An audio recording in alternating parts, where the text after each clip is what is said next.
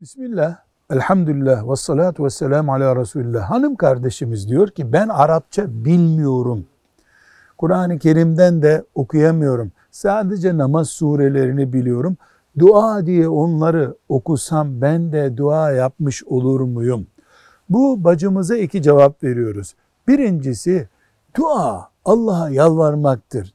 Arapça, Türkçe, Çince, Japonca, Uygurca hangi dilde yapıyorsan yap dua odur. Ama Fatiha-i Şerife'yi biliyorsan, Ayetel Kürsi'yi biliyorsan ki bildiğinizi söylüyorsunuz. İhlas suresini biliyorsanız, Felak Nas suresini biliyorsanız siz bu kainatta bir kulun Allah'a dua ederken yapacağı en büyük dua cümlelerini biliyorsunuz. Siz ihlasınıza, samimiyetinize, yüreğinizdeki sevdaya, Allah'a olan itimadınıza bakın. Günde bin kere Fatiha okuyun. Bin kere ayetel kürsü okuyun. Yüz kere, beş yüz kere Felak Nas suresi okuyun. Siz dua dünyasındasınız Allah'ın izniyle. Velhamdülillahi Rabbil Alemin.